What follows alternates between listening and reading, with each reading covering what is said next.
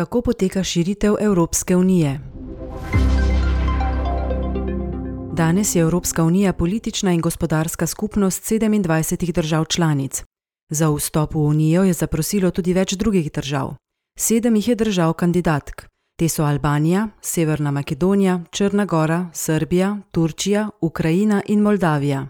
Tri potencijalne kandidatke pa so Bosna in Hercegovina, Gruzija in Kosovo. Pot do članstva je dolga in vse prej kot enostavna. V tem podkastu se bomo posvetili postopku pridružitve. Za članstvo v Evropski uniji lahko zaprosi Evropska država, ki spoštuje demokratične vrednote Evropske unije. Imeti mora tudi trdne demokratične institucije in pravno državo ter delujoče tržno gospodarstvo. Sposobna mora biti prevzeti in izpolnjevati obveznosti članstva v Evropski uniji.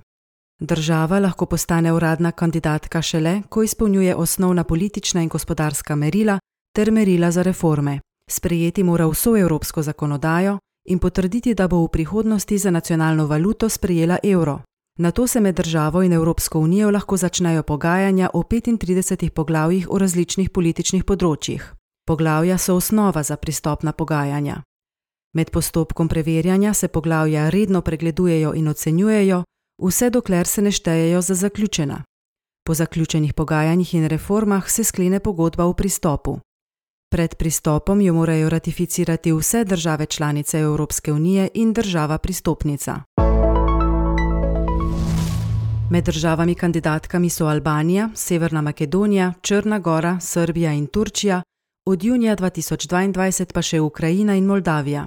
Da sta dosegli to točko, sta ti dve državi prehodili dolgo pot, Ruski napad na Ukrajino je postopek vsekakor pospešil.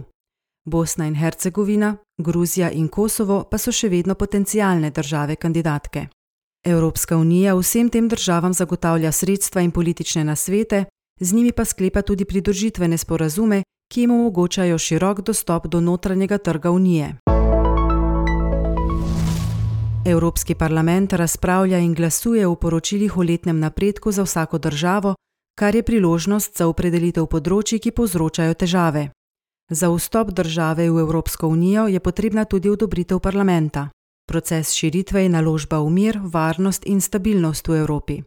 To je junija 2022 na konferenci na visoki ravni v Zahodnem Balkanu podarila tudi predsednica Evropskega parlamenta Roberta Mecola. Dejala je: Za države, ki želijo biti doma v Evropi, je širitev vedno veljala za proces preobrazbe.